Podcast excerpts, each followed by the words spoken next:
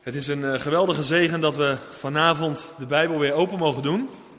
En ik nodig je uit om dat te doen in Hebreeën hoofdstuk 11. En we lezen met elkaar vers, vers 23 tot en met 32. Ik ga vanavond behandelen vers 23 tot en met vers 40. Maar ik lees dat weer in gedeelten. Dus we beginnen bij Hebreeën 11, vers 23 tot en met vers 32. Daar lezen we het volgende. Door het geloof werd Mozes, toen hij geboren was, drie maanden lang door zijn ouders verborgen, omdat zij zagen dat het een heel bijzonder kindje was. En zij waren niet bevreesd voor het bevel van de koning. Door het geloof heeft Mozes, toen hij groot geworden was, geweigerd een zoon van de dochter van de farao genoemd te worden.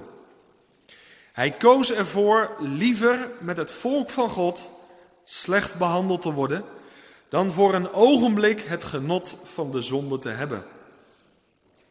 Hij beschouwde de smaad van Christus als grotere rijkdom dan de schatten in Egypte. Want hij had het loon voor ogen. Door het geloof heeft hij Egypte verlaten zonder bevreesd te zijn voor de toren van de koning.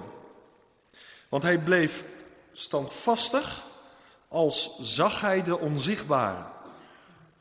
Door het geloof heeft hij het pascha ingesteld en het besprenkelen met het bloed, opdat de verderver van de eerstgeborene hen niet zou treffen. Door het geloof zijn zij, dat is Israël, door de Rode Zee gegaan, als over het droge. Toen de Egyptenaren dat ook probeerden te doen, zijn zij verdronken. Door het geloof zijn de muren van Jericho gevallen, nadat ze tot zeven dagen toe omringd waren geweest.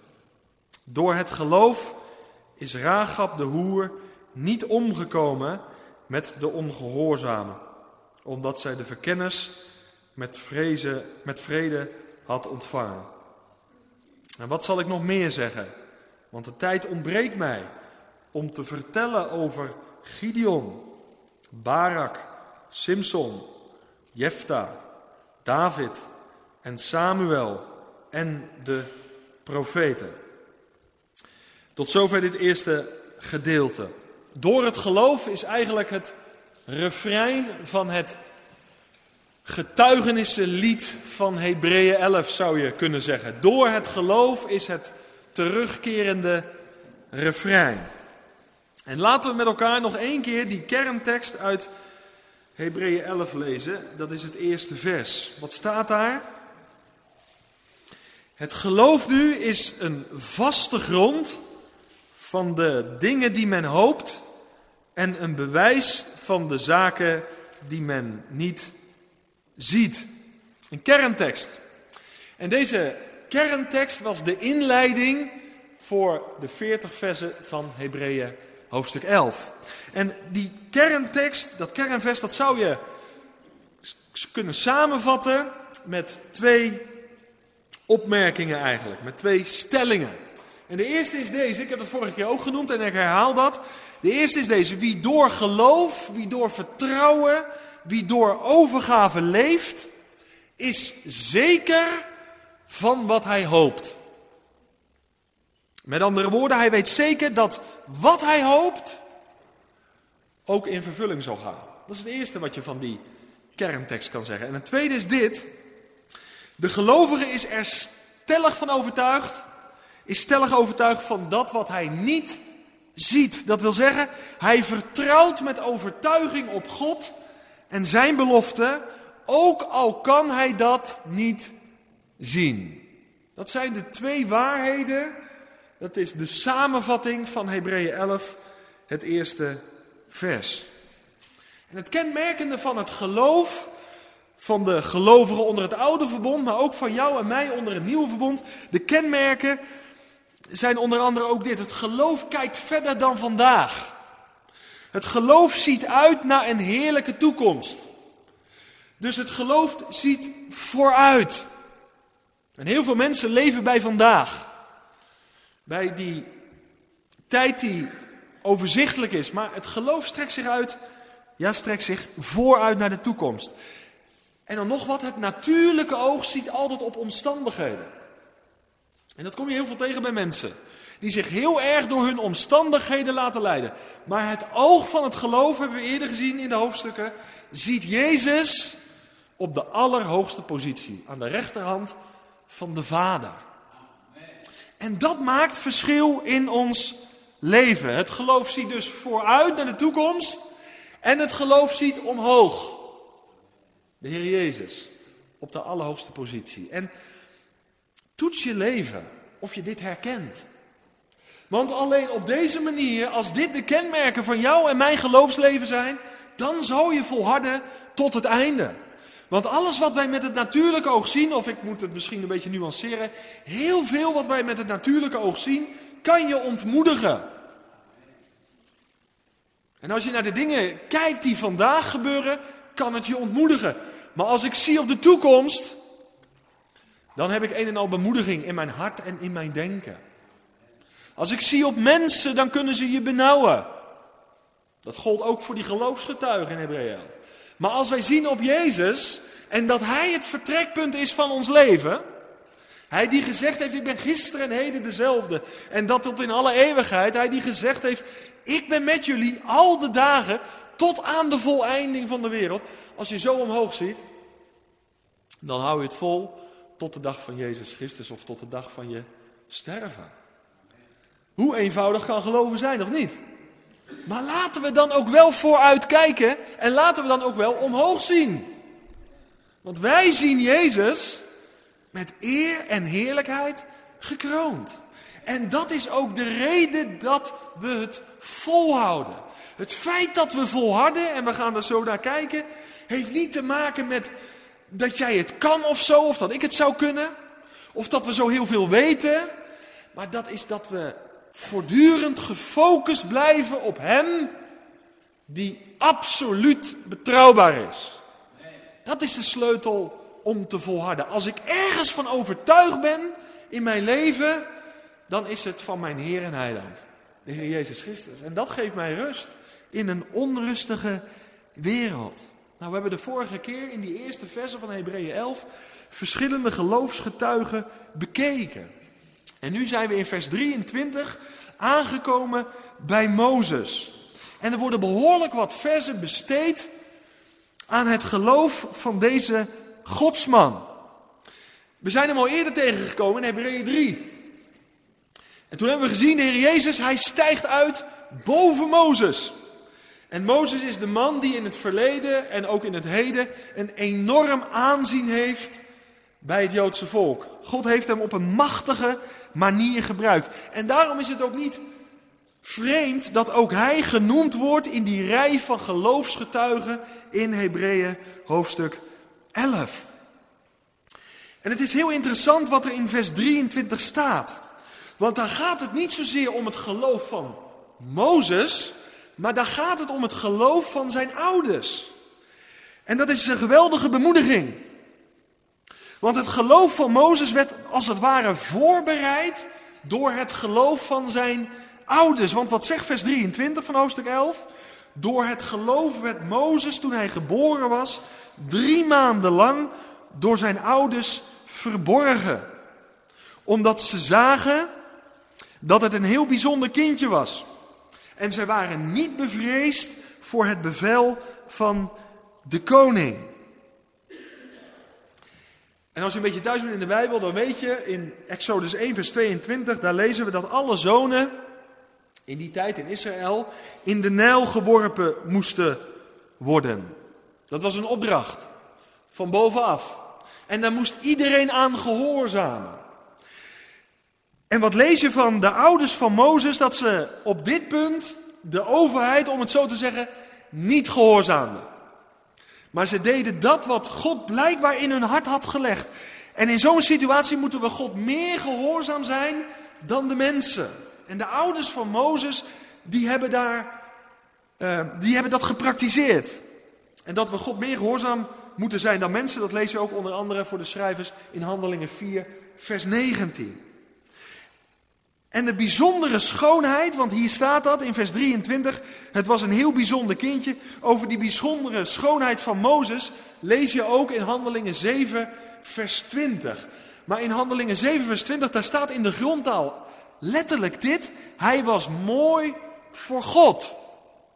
Mozes was mooi voor de Heere God. En blijkbaar was de bijzondere schoonheid van Mozes voor zijn ouders een teken van Gods bijzondere verkiezing. God had een plan met deze man.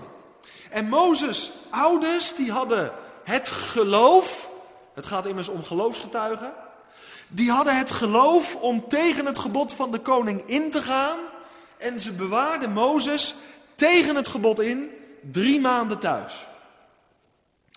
En uit de geschiedenis, daar is van bekend, ik weet het niet, maar dat het huis van Mozes behoorlijk dicht bij het paleis van de koning gelegen was. Nou, ik neem aan dat ook Mozes wel eens gehuild heeft, net als mijn kinderen. Dus dat was linkersoep, zouden wij zeggen. En toch hebben ze in geloof die daad verricht. Drie maanden hielden ze hem thuis. En vervolgens hebben ze hem in een biezenmandje in de Nijl gelegd. En hij is behouden. Hij is uiteindelijk niet vermoord. En wat is nu de geloofsdaad waarom de ouders van Mozes een plekje hebben in de rij van geloofsgetuigen? Nou, ze geloofden vast en zeker. Ze zagen het nog niet. Maar ze geloofden vast en zeker in Gods bewaring en bescherming. En luister goed, ze hadden meer ontzag voor de Heere God dan dat ze ontzag hadden voor de farao. Amen? Daar gaat het om. Zij vreesden God meer dan de farao. En hoe heeft de Heere God door dat handelen van deze ouders, door het geloof van deze ouders, deze godsman geweldig gebruikt? Om Israël uit te leiden uit de slavernij. Nou, dat was het eerste. Nou lezen we in Handelingen 7, dat is misschien wel aardig als je thuisgekomen bent om, die, om dat hoofdstuk na te lezen. Daar lees je de verschillende perioden uit het leven van Mozes. En daar lees je onder andere in Handelingen 7 vers 23 dat Mozes op zijn veertigste een sterk verlangen kreeg naar zijn broeders. En daar wordt mee bedoeld naar het volk Israël. Naar het volk waar hij thuis hoorde. Moet je even indenken. Mozes was een Hebreeuwse man. 40 jaar verbleef hij aan het hof van de farao. In Handelingen 7 staat dat hij een man was geworden machtig in woorden en in daden. Mozes was dus niet alleen een aantrekkelijke man, het was ook een man met autoriteit en met gezag. Een man die bruikbaar was voor de farao, om het zo te zeggen, in zijn koninkrijk, maar ook geweldig bruikbaar was door de Heere God. Voor de Heere God. En na 40 jaar, nadat hij zo gevormd is aan het hof, lezen we in Handelingen 7 dat hij een sterk verlangen krijgt om naar zijn broeders te gaan, naar het volk Israël. Het volk waar hij thuis hoorde. En in Hebreeën 11 staat dat ook, dat hij op een gegeven moment volwassen is geworden. Hij is groot geworden. En volwassen is niet alleen dat hij qua leeftijd en lichamelijk gezien groot was geworden, volwassen is geworden. Maar hij was ook gegroeid in kennis, in intellect. Hij was een man machtig in woorden en daden. En hij verlangt naar zijn eigen volk. Hij verlangt naar zijn thuis. En nu zou je kunnen zeggen, is dat niet erg ondankbaar van Mozes geweest dat hij die adoptie van het hof, om het zo te zeggen, afwees. Is dat geen ondankbaarheid? Nou, ik geloof het niet. Maar ik geloof dat Mozes een stevig en krachtig verlangen had om terug te gaan naar zijn roots, naar zijn oorsprong. En daarvoor moest hij een keuze maken. En daarin komt de eerste geloofsdaad van Mozes openbaar. Hij moest gaan kiezen. En waar koos hij voor? Nou, hij koos ervoor, luister goed, om zijn hoge positie om het luxe hofleven, om zijn aanzien en zijn eer. en het genot van de zonde in te ruilen. Dat was een bewuste keuze van deze intellectuele Mozes. Dus dat deed hij niet met een bedwelm verstand, dat deed hij met een hoog intellect. Hij was een man van hoog niveau. En dat wijze, die wijsheid van Mozes, die besloot, deed hem besluiten om een ruil te gaan maken. En je zal zeggen, nou ja, goed, maar waarvoor ruilde hij dat alles dan in? Nou, we lezen dat. Voor de smaad van Christus, staat hier. Daar ruilde hij het voor in. En de smaad van Christus, wat betekent dat? Dat heeft te maken met afwijzing. Dat heeft te maken met minachting. Dat heeft te maken met afkeuring. Dat heeft te maken met belediging. Deze intellectuele man, ik hoop dat je je een beetje kan verplaatsen. Die kiest in plaats van het luxe leven aan het hof, in plaats van eer en aanzien, kiest hij heel bewust voor de smaadheid van Christus, voor afkeuring en belediging. En ik las in de voorbereiding de volgende opmerking en dat vond ik erg mooi. Ik las het volgende. Wat moet dat een belediging voor de farao zijn geweest? En wat moet dat een geweldige overwinning voor Christus zijn geweest? Dat deze intellectuele man deze keus maakte. En waarom staat Mozes nou in Hebreeën 11 vermeld dat hij die keus maakte? Nou, die keuze die maakte hij niet op grond van zijn gevoel. Maar die keuze die maakte hij op grond van geloof. Hij had liever de smaad van Christus dan een leven in de zonde. En hoe zit dat bij ons? Als je vanavond de keus mag maken tussen het luxe, comfortabele leven of het volgen van de Heer Jezus Christus. Wat je niet kan overzien. Mozes was gewoon een man van vlees en bloed, net als jij en ik. Hij kon de weg die hij moest gaan niet overzien en toch maakte hij die keus. Dat kan je alleen doen in geloof. Want als je op je gevoel afgaat, ja, dan had hij beter aan het hof kunnen blijven, toch? Maar nou verenigde hij zich, want dat zit eraan verbonden, met een volk. En hij deelde in onrecht en onderdrukking. Maar tegelijkertijd deelde hij ook in Gods belofte. En het bijzondere is van Mozes hier dat hij hier al in Hebreeën 11, maar natuurlijk ook in de boeken waar we over hem lezen, de boeken van Mozes, dat hij daarin al een type van Christus was. Want ook de Heer Jezus Christus heeft de smaad verdragen ten behoeve van zijn volk. Christus heeft de smaad gedragen ten behoeve van jou en mij. Hij wilde helemaal één met ons worden. Hij noemde ons zijn vrienden. En hij heeft de heerlijkheid van de Vader bij de Vader verlaten. Om de mensen in alle dingen gelijk te worden. Uitgenomen de zonde. Dat is toch bijzonder of niet? En dat deed hij niet ten behoeve van zichzelf, maar dat deed hij ten behoeve van u, jou en mij. Mozes is hier al een type van Christus. En ik zie de Heer Jezus komen uit de heerlijkheid bij de Vader. Spreuken 8 zegt van hem dat hij het lievelingskind, het troetelkind van zijn vader was. En hij heeft die heerlijkheid verlaten. En hij is één met de mensheid geworden. Om redding en verlossing aan te brengen. En dat tot in alle eeuwigheid. Hij ging de weg van verachting en verwerping, van afwijzing en afkeuring. Mozes een type van Christus. En Paulus, hij onderwijst het in Romeinen 8, vers 17. Dan schrijft hij het aan de Romeinen, de gemeente in Rome, maar over hun hoofden heen, over hun hoofden heen ook aan jou en mij. Wat zegt hij? Indien wij delen in zijn lijden. Is dat om ook te delen in zijn heerlijkheid? Broeders en zusters, wij moeten er rekening mee houden. Dat de weg naar de heerlijkheid gaat door het lijden heen.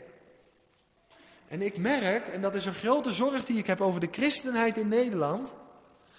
Wij willen met zo min mogelijk moeite, met zo min mogelijk verdrukking en vervolging, straks de beste plaats in het koninkrijk van God in gaan nemen. En heel veel christenen mag het vandaag niet meer te veel kosten om Jezus te volgen. Sommigen vinden het al moeilijk om trouw een bijbelstudieavond te bezoeken. Dat kost al te veel. De vraag is of jij het koninkrijk van God dan waardig bent. Het is door lijden heen tot heerlijkheid. Dat is niet omdat ik een negatief beeld heb van deze wereld of de weg die ik moet gaan.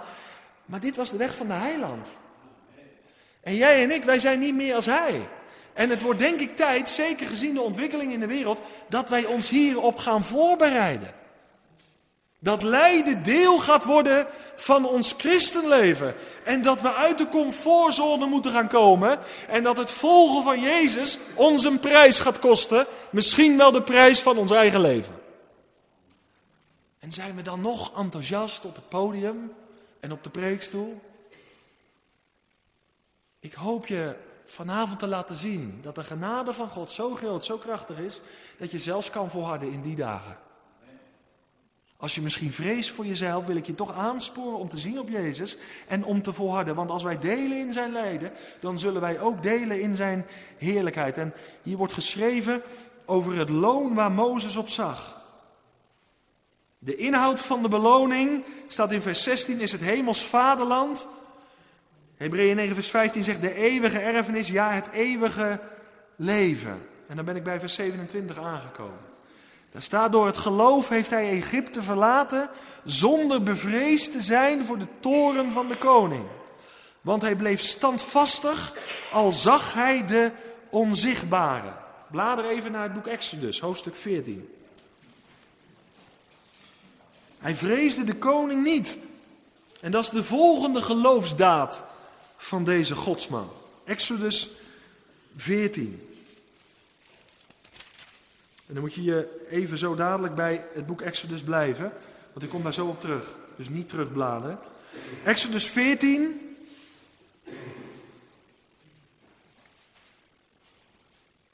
Het volk moppert. Maar wat zegt deze godsman dan in het dertiende vers? Maar Mozes zei tegen het volk: Wees niet bevreesd. Houd stand. Zie, het heil is van de Heere dat hij vandaag nog voor u zal bewerken. Want de Egyptenaren die u vandaag ziet, lees je dat goed? Die je vandaag ziet, zult u tot in eeuwigheid niet meer terugzien. Is dat geloof of niet? Nou, dat is mannentaal, of niet? Nee, dit is geen mannentaal, dat heeft ook niet te maken met spierballen, dit heeft te maken met geloof. Mozes zegt het, die Egyptenaren zou je tot in eeuwigheid niet meer zien. En dan komt de sleutel, het geheim, vers 14. De Heere zal voor u strijden en u moet stil zijn. Toen zei de Heere tegen Mozes, wat roept u tot mij? Spreek tot de, kind, tot de Israëlieten en zeg dat zij opbreken.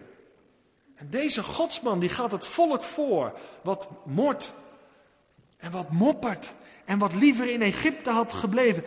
Maar hij gaat ze voor en hij zegt voorwaarts, de Heere zal voor u strijden. Dat is taal van het geloof. Mozes, hij is een geloofsgetuige. Hij is ervan overtuigd dat de onzichtbare God zijn belofte gaat vervullen. Vast en zeker. En hij vreest daarom de koning niet. Broeders en zusters, het geloof, het ware, het echte, het bijbelse geloof vreest God meer dan dat het mensen vreest. En dit is zo belangrijk naarmate we dichter komen bij de dag van de wederkomst van Christus. Je hoeft niet terug te bladeren, maar ik zal het voor je voorlezen.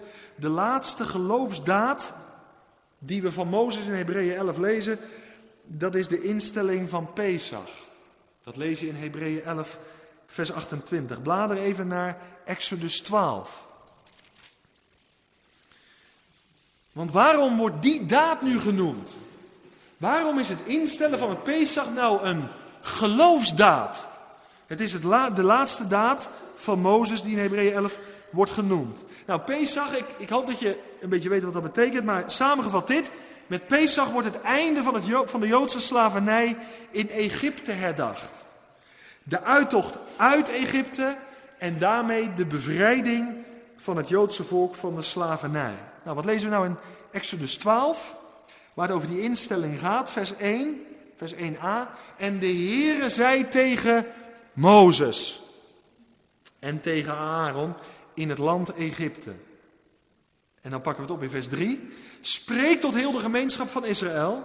Op de tiende dag van deze maand moet ieder voor zich een lam per familie nemen, een lam per gezin. Vers 5.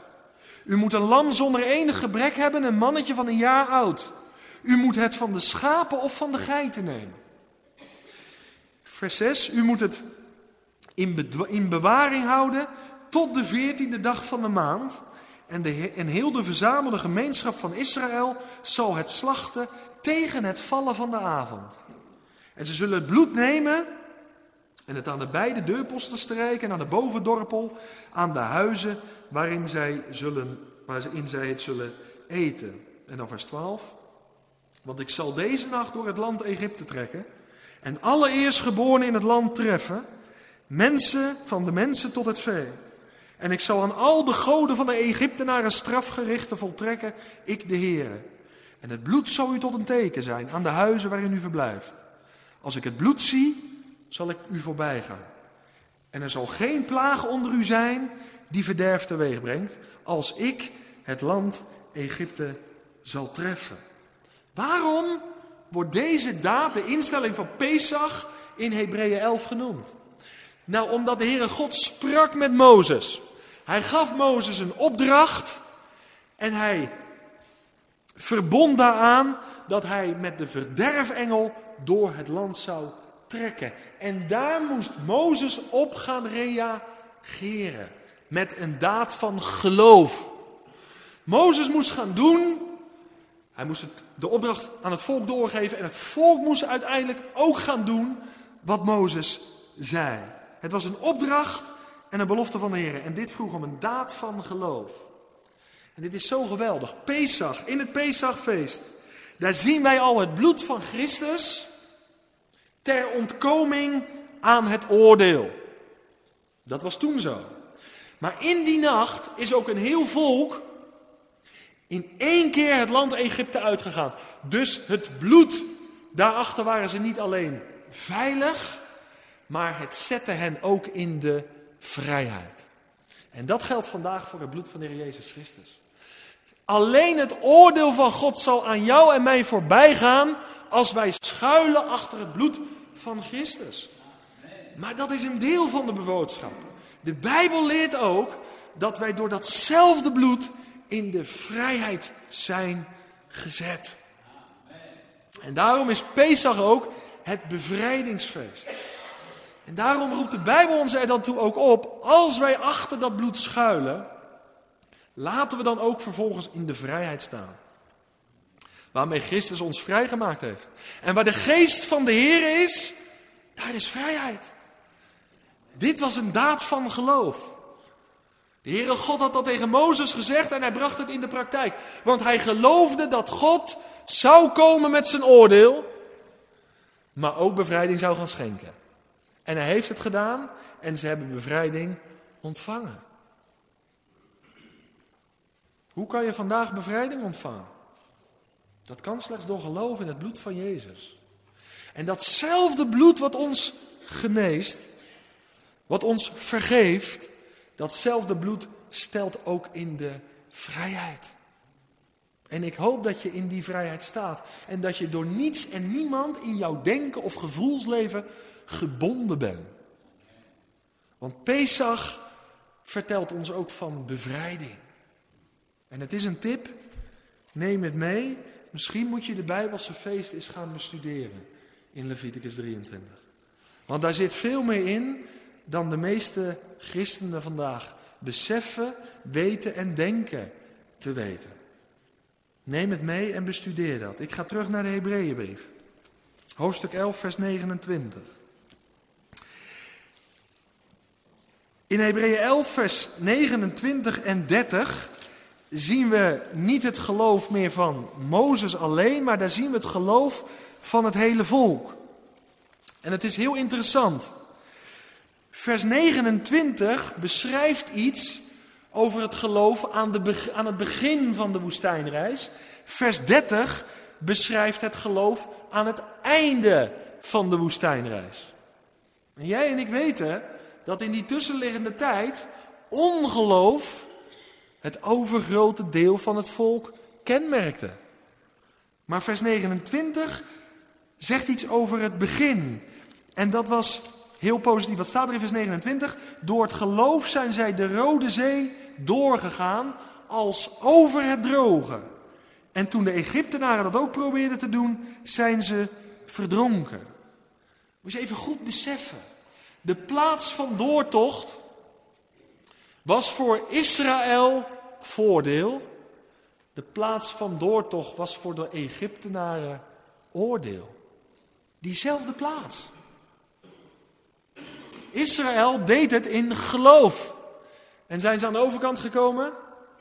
Ze zijn aan de overkant gekomen. En broeders en zusters, ik geloof dat dit hetzelfde is als met het kruis van de Heer Jezus Christus. De prediking van de kruisdood en opstanding van Christus is voor de een voordeel, maar voor heel veel mensen zal het eenmaal hun oordeel betekenen. Die doortocht door de zee. Israël kwam aan de overkant door geloof. En de Egyptenaren zijn verzwolgen.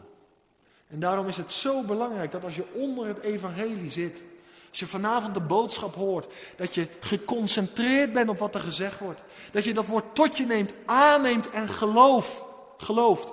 Dat je het in je hart sluit. En dat ongeloof niet je deel zal zijn. Want dan kan een boodschap als vanavond eenmaal tegen je getuigen. En dat zal je oordeel verzwaren. Maar voor degene die het gelooft, is het tot voordeel. Zoals die plaats van doortocht destijds. En dan vers 30. Waar gaat het daarover? Nou, door het geloof zijn de muren van Jericho gevallen. Nadat ze tot zeven dagen toe omringd waren geweest. Broeders en zusters, die muren van Jericho. Die waren na zeven dagen nog even dik. En nog even onoverwinnelijk. Aan die muren was niks veranderd. Waar ging het om? Het ging om de daad van geloof. God had gezegd: loop er zeven dagen omheen. En die onoverwinnelijke muren, die zullen instorten. En ik weet het niet. Maar er zullen er vandaag velen zijn die gaan de discussie aan met de Heere God. En die zeggen, als we nou vijf dagen lopen, wat dan? En als we zes dagen lopen, wat dan? Nee, de opdracht was zeven dagen. En niet door het lopen vielen die muren om, maar door het geloof in de belofte van God. En daarom staat vers 29 en 30 in Hebreeën 11 opgeschreven. Zij illustreren het geloof van Israël als volk aan het begin van de woestijnreis, de doortocht. En ze illustreren het geloof aan het einde van de woestijnreis, de inname van Jericho. Maar is het principe veranderd? Nee. Het principe blijft exact hetzelfde. Het gaat erom dat wij minder zien op de onoverwinnelijke muren van Jericho en meer zien op het spreken van God. Ik weet niet welke zeeën er op dit moment in uw leven zijn. En tegen welke steden en vestigingen, vestingen u vandaag aanloopt. Nieuw jaar begonnen. Misschien zeg je, Jacques, het klinkt allemaal mooi. Door geloof, door geloof, door geloof. Maar je moet eens weten welke zeeën er voor mij liggen. En welke vestingen zich opdoen voor mijn ogen. Geloven alleen. Geloven alleen. Alles is mogelijk. Geloven alleen. Ik heb vandaag heel veel zitten lezen in het bekende boek van Andrew Murray. Ziende op Jezus, de verklaring van de Hebreeënbrief. Als ik je een boek aanbeveel dit jaar, dan kan je elke dag al wat uit lezen. Koop dat boek. En Andrew Murray zegt: niets is bestand tegen het geloof. Dit is wat de wereld overwint, namelijk ons geloof. Ons vertrouwen op Hem die gezegd heeft: Mij is gegeven alle macht in de hemel en op de aarde. Niet zien en toch geloven. Daar gaat het om. Zo eenvoudig is het. En daar zit zoveel kracht in. De rij van geloofsgetuigen eindigt in vers 31 met Rahab de hoer. Bijzonder dat zij wordt genoemd. Blader met mij even naar Jozua 2. Jozua hoofdstuk 2.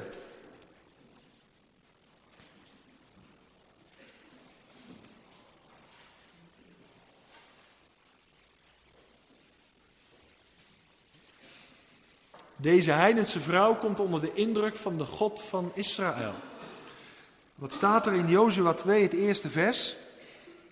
Daarna stuurde Jozua, de zoon van Nun, er vanuit Sittim in het geheim twee mannen als verkenners op uit.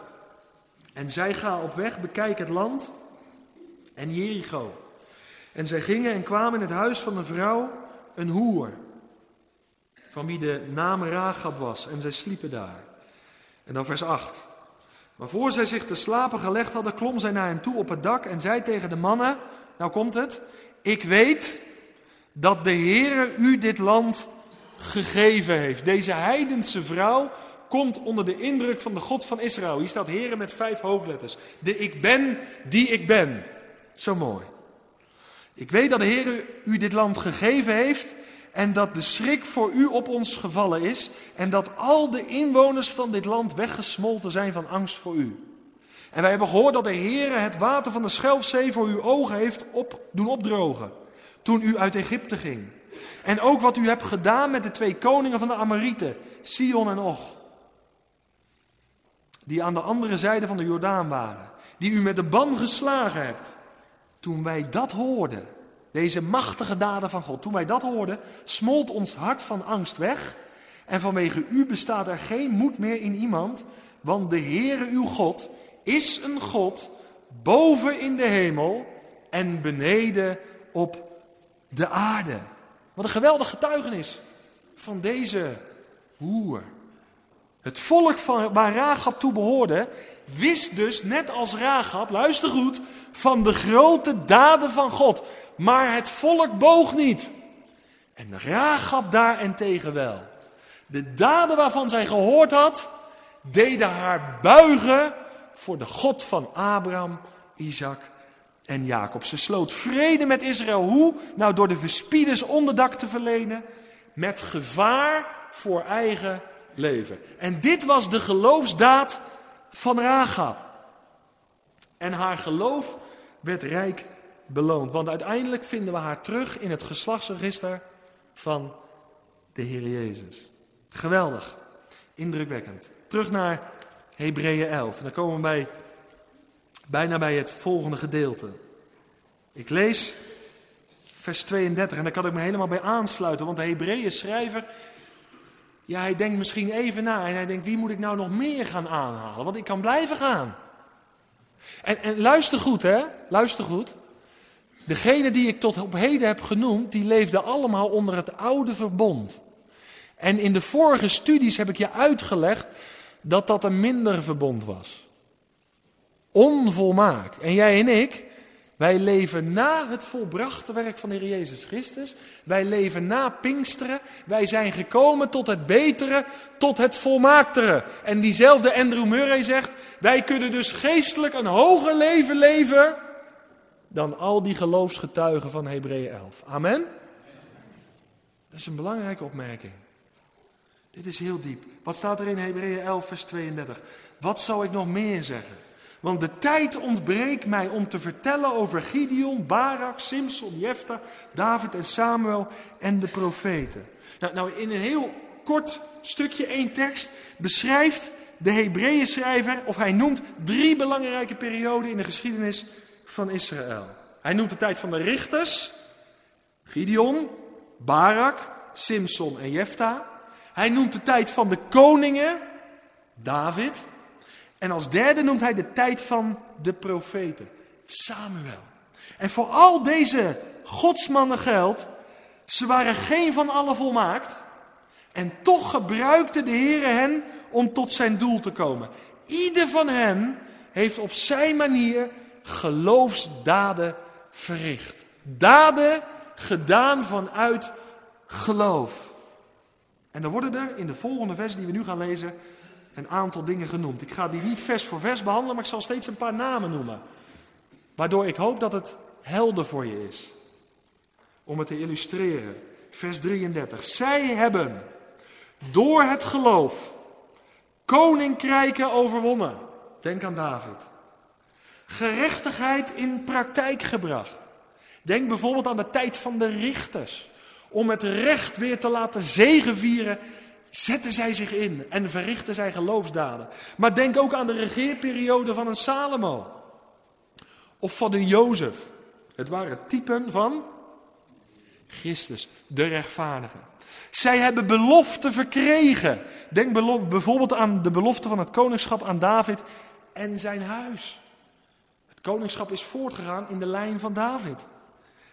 Zij hebben door het geloof muilen van leeuwen gesloten. Wie denkt niet aan Simson? Aan Daniel. Zij hebben de kracht van het vuur geblust. Nou, zelfs de kinderen weten het. De vrienden van Daniel in de vurige oven. Allemaal daden van geloof, niet van gevoel. Zij zijn door het geloof aan de scherpte van het zwaard ontkomen. Ik dacht aan die wonderprofeet Elia, die ontkwam aan het zwaard van die goddeloze koningin Izebel. Vervolg vers 34. Zij hebben in zwakheid kracht ontvangen. Vind ik zo geweldig. Als ik denk aan Simpson, dat hij op het laatst vroeg, Heere God, geef me nog één keer de kracht. En hij werd geplaatst tussen pilaren. En blind als hij was en verzwakt in zijn lichaam, gaf God hem nog één keer de kracht. Het was een daad van geloof. En wie denkt niet aan Gideon? Hij had een geweldig leger en de Heer zei, nee, dan moeten we eraf. Nou, nou is het wel genoeg, nee, dan moet er nog meer af. Door het nulpunt heen gaf God de overwinning. 300 man, 300 slurpers, die hield hij over. En wat waren hun wapens? Fakkels en kruiken. Stelde niks voor. Maar ze behaalden de overwinning. Nou, dat is precies wat hier staat. Zij hebben in zwakheid kracht ontvangen. Wat zegt de Bijbel tegen jou en mij? Mijn genade. Die is voor jou genoeg. Die zeeën die voor je liggen. Die vestingen die je dit jaar voor je ogen op ziet reizen. Mijn genade is voor jou genoeg. En mijn kracht komt juist openbaar in jouw zwakheid. Maar moeilijk hè, met je rug tegen de muur staan. En te moeten zeggen, Heere God, ik kan het niet. Maar dat is juist de gelegenheid voor hem. Want hier staat het. Zij hebben in zwakheid kracht ontvangen. Vervolgens, zij zijn machtig geworden door het geloof in oorlogen. Nou, denk bijvoorbeeld aan, koning, aan koningen als Asa. Of aan koning Jozefat. Legers van vreemden hebben zij op de vlucht gejaagd. Dat waren daden van geloof. Nou, tal van richters en koningen, die kunnen ons daarvan vertellen, getuigen. En dan vers 35. Vrouwen hebben door het geloof hun doden teruggekregen. Door opstanding uit de dood. Wie denkt niet aan die geweldige geschiedenis van Elia en de zoon van de weduwe te Sarfat? Dat waren daden van geloof. En de Bijbel, die zet ze voor jou en mij in 2016 even op een rijtje en zegt, dit was nog het oude verbond. Maar de tijd waar jij en ik in leven, die tijd is veel rijker. Er is veel meer geopenbaard. De kracht van God heeft zich in en door de Messias meer en meer gemanifesteerd. De geest is uitgestort. De geweldige tijd al waar je in mijn leven. Ik hoop dat je er enthousiast over bent. Als je Hebreeën 11 leest. En hoe meer ik dit op me in laat werken, hoe meer geloof ik krijg in de God die de oorsprong is van deze geloofsdaden. En die God leeft nog. We gaan verder. Want nu komt er een belangrijk vers. Want in vers 33 tot en met 35 lezen we over het geloof dat werkzaam was en wonderlijke uitreddingen bewerkte. Waar of niet? Maar nu komen er een aantal versen dat die uitredding uitblijft. Moet je goed onthouden vandaag. Kom ik zo nog even op terug. Vanaf vers 35b zien we namelijk dat het geloof ook actief is, ook functioneert. Maar luister goed, lees goed, dat het wel lijden met zich meegebracht heeft. Lijden is het deel van de gelovigen. Welke conclusie kan ik hieruit trekken? Uit deze twee opmerkingen. Deze. De ene groep gelovigen, luister goed, de ene groep gelovigen vereert de Heer voor zijn fantastische, geweldige uitreddingen. En de andere groep gelovigen vereert de Heer door volharding te midden van vervolging en verdrukking. Maar beide zijn ze tot eer van de Heer. En daarom ben ik fel gekant tegen het zogenaamde welvaartsevangelie. Dat is geen evangelie, dat is een evangelie uit de duisternis. Dat komt niet overeen met Hebreeën 11. Want het zij dat wij leven, het zij dat wij sterven. Wij zijn van de Heer, wij zijn zijn eigendom. En het welvaartsevangelie leert, verkapt of heel openlijk, dat het uiteindelijk daar waar je Jezus volgt, je goed zal gaan. Financieel, sociaal, noem maar op. Dat is een leugen en een list van de Satan. Maar de Bijbel leert iets anders. In de verdrukking ben ik nabij. Ik ben met jullie. Al de dagen tot aan de voleinding van de wereld. En Hebreeën 11 leert ons dat God uitredding kan geven op het gebed. Wonderen, geweldig, ver boven wat we kunnen bidden of denken. Maar God kan ook de situatie laten zoals die is en jou van binnenuit veranderen. Zodat je mag leven door geloof en dat je standvastig zal blijven tot het einde toe. Jacobus 5 vers 11 zegt, zie wij prijzen hen gelukkig die volharden. U hebt het gehoord van de volharding van Job. En u hebt de uitkomst van de Heere gezien. Dat de Heere vol ontferming is en barmhartigheid. Dat is toch een bemoediging? Ik kom mensen tegen vandaag. Die hebben altijd genezing geclaimd. En ik heb daar pastoraat aan verleend. En die liepen vast met hetgeen wat ze zelf heel hun leven lang geleerd hadden en anderen mee hadden onderwezen. Ben ik dan tegen genezing? Daar ben ik niet tegen, maar God is de soevereine. En dat moet je altijd vasthouden. Want mensen kunnen in het GPZ komen vanwege verkeerde leerstellingen, ook op dat gebied. En Hebreeën 11 leert het allebei. Hebreeën 11 leert dat God de soeverein is. En dat zijn weg altijd de beste is. En dat hij, hoe het dan ook is, of hij uitredding geeft, of dat hij de situatie laat zoals het is, dat hij de grote aanwezig is. En met mijn God spring ik over muren. En als ik door het geloof mag leven, dan zijn bergen vlak en zeeën droog. Dat is het geloof wat de Bijbel leert. En daar moeten we vandaag vast aan houden, want er is heel veel dwaling op dit gebied, wat vele christenen verward maakt en helemaal onrustig maakt en in vertwijfeling brengt. Ik lees verder, vers 35b.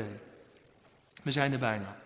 Anderen, nou komt die lijst, die geen uitredding hebben ontvangen lichamelijk in de tijd dan, maar anderen zijn gefolterd en namen de aangeboden verlossing niet aan. Dat is wat. Als je Jezus afzweert, dan stoppen we nu met de martelingen en de folteringen en mag je vrij uitgaan. Maar hier staat dat die gelovigen, die hebben die aangeboden verlossing niet aangenomen. Dat is heel diep. En ik bid voor mezelf. Heer, geef me die genade. Om als het moment daar is voor mij, dat ik zal volharden. En dat ik u niet zal verlogenen. We gaan verder. Opdat zij een betere opstanding verkrijgen zouden. Weet je wat dat betekent? De dood had en heeft niet het laatste woord. En daarom was ik blij met de opmerking van Christian. De dood ligt ten diepste achter ons. Een christen wordt over lijden heen gedeeld. Maar de dood heeft niet het laatste woord. Wij zullen opgenomen worden in heerlijkheid. En daarom, met het oog daarop, hebben ze die folteringen kunnen verdragen. En hebben ze de oplossing, de tijdelijk zogenaamde oplossing, niet aangenomen. Vers 36. Weer anderen hebben spot en geeselslagen verdragen. Ja, zelfs boeien en gevangenis. Nou, denk aan iemand als Jeremia. Denk aan iemand als Jozef.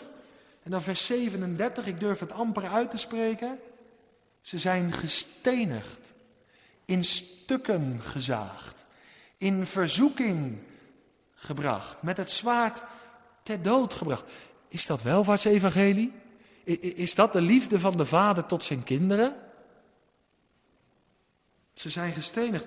Ik moest denken aan Stefanus. En wat deed de Heer Jezus toen Stefanus gestenigd werd? Hij ging opstaan. Hij ging opstaan en hij verwelkomde hem. Hij was gaan zitten, zijn werk was af, heb ik jullie uitgelegd. Maar toen Stefanus naar hem toe ging, toen ging hij staan. Wel, gij goede en getrouwe dienstknecht. Hij zag de heerlijkheid van God. In stukken gezaagd. De geschiedenis vertelt dat Jezaja, de profeet, in stukken gezaagd is. Door Manasse. Ik moet verder. Ze hebben rondgelopen in schapenvellen.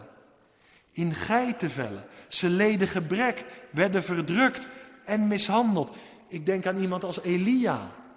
Hij liep daar in geitenvellen rond. Later Johannes. Hij liep daar ook rond. Broeders en zusters, het leven van een christen vindt niet plaats in de comfortzone, in de luxezone. Het is een veracht volk. Niet vele wijzen, niet vele edelen, maar we hebben de schat in ons hart. Het is het deel van allen die de Heer Jezus hebben liefgekregen. Vers 38. De wereld was hen niet waard. Ze dwaalden rond in afgelegen plaatsen. Ze verbleven op bergen, in grotten, in holen, in de aarde. Wie denkt niet aan David? Toen hij vluchtte voor koning Saul. En waar vlucht hij naartoe? Naar de spelong van Adullam. Is zo mooi. Dat is eigenlijk een preek apart. Maar dat is zo mooi. In die spelong van Adullam waren er nog 300, of niet? Nou, dat, ik denk dat, dat de gemiddelde dominee daar niet onderdeel van zou willen zijn. Wat daar in die spelong bij elkaar kwam. Maar die 300 die erkenden David als koning. Toch? Dat is een beeld van de gemeente vandaag. Dat geloof ik echt. Die te midden van alle afwijzing, afkeuring, belediging.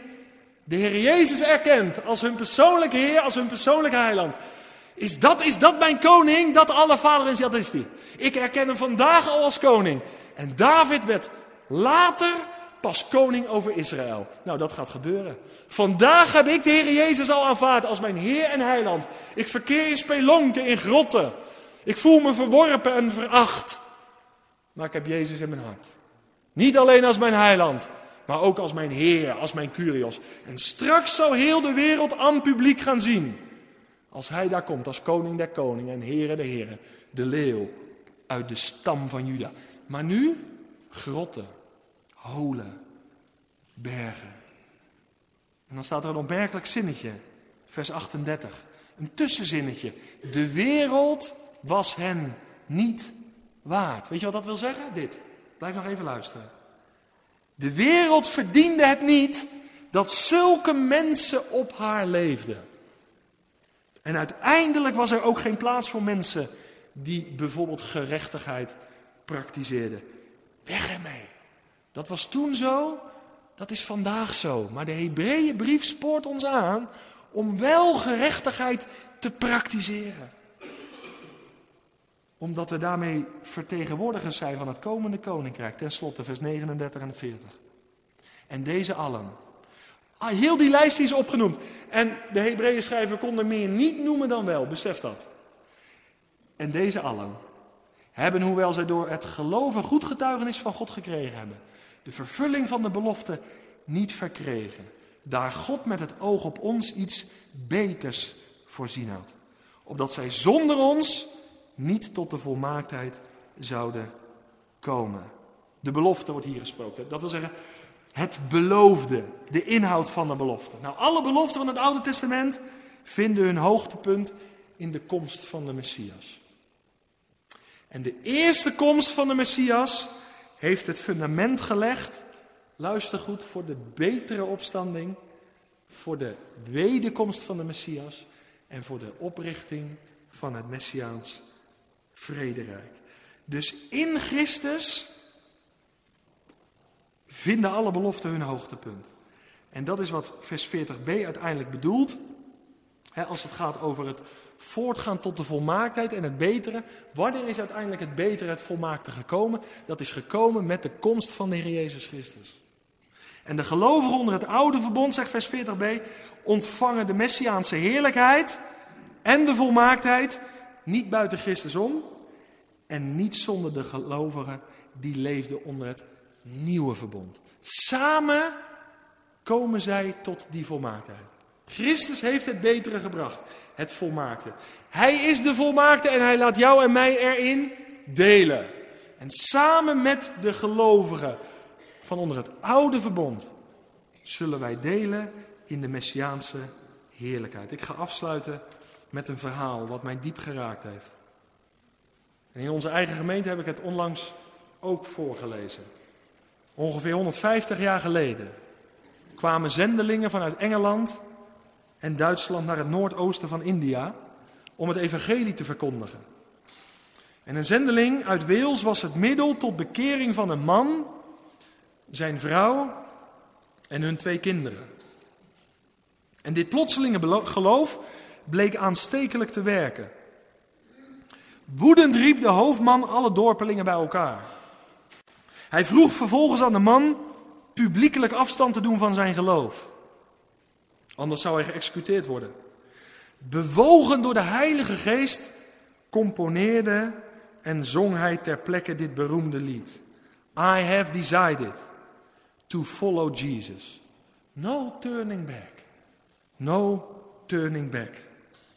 Razend geworden gaf de hoofdman zijn boogschutters opdracht de twee kinderen dood te schieten.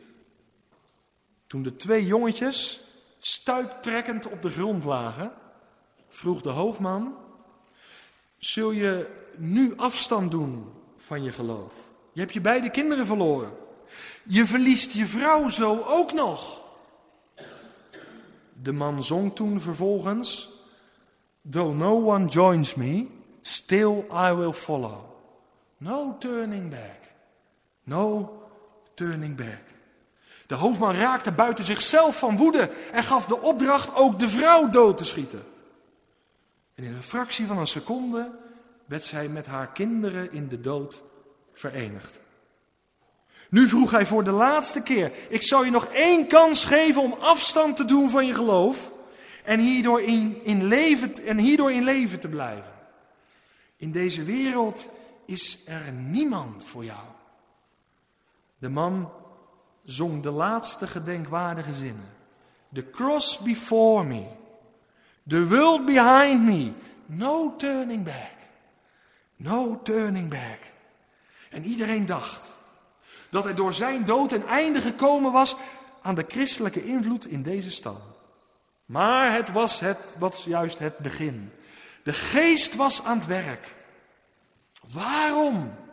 Waarom zouden deze man, zijn vrouw en kinderen sterven voor een man die 2000 jaar geleden ergens in een verland heeft geleefd? Dat vroeg de hoofdman zich af.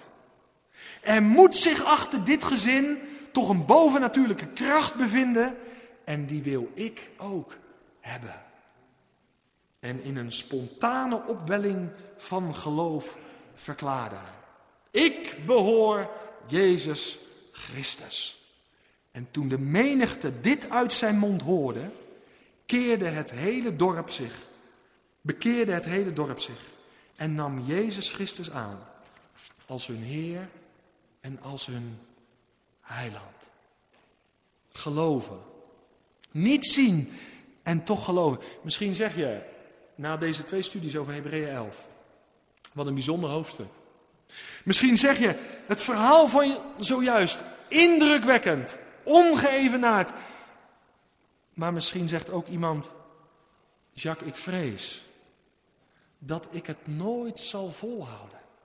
Ik volhard niet. Ik, ik heb niet dat geloof wat ik zie bij die geloofsgetuigen in Hebreeën 11. En ook niet wat ik zie bij deze man die zijn kinderen verloor, zijn vrouw en uiteindelijk zijn eigen leven. Maar laat mij je dan bemoedigen met de woorden van de bekende godsman Hudson Taylor. Waar ik in de voorbereiding het volgende over las. En dat bemoedigde mij. Hij zegt dit. Alle reuzen van de Here waren zwakke mensen. Die grote dingen voor de Heer hebben gedaan. Omdat ze geloofden dat God ten alle tijden bij hem was. En ik wil vragen of je wil gaan staan. Nog niet. Maar we gaan het lied zingen. I have decided to follow Jesus. En als het nou je oprechte verlangen is. Nu je eenmaal de Heer Jezus Christus hebt aangenomen. Om trouw te blijven in de navolging van Hem. Al doe je dat misschien met knikkende knieën. En met een angstig hart. Maar dat je vanavond toch het wilsbesluit neemt, dan verzoek ik je op om op te staan. En dit lied als een beleidenis te gaan zingen. I have decided to follow Jesus. No turning back. No turning back. En als we dat lied gezongen hebben, heb je gelegenheid om je naar de Heer uit te spreken over wat Hij vanavond tot u, tot jou heeft gezegd. En dan zal ik dat gebed afsluiten.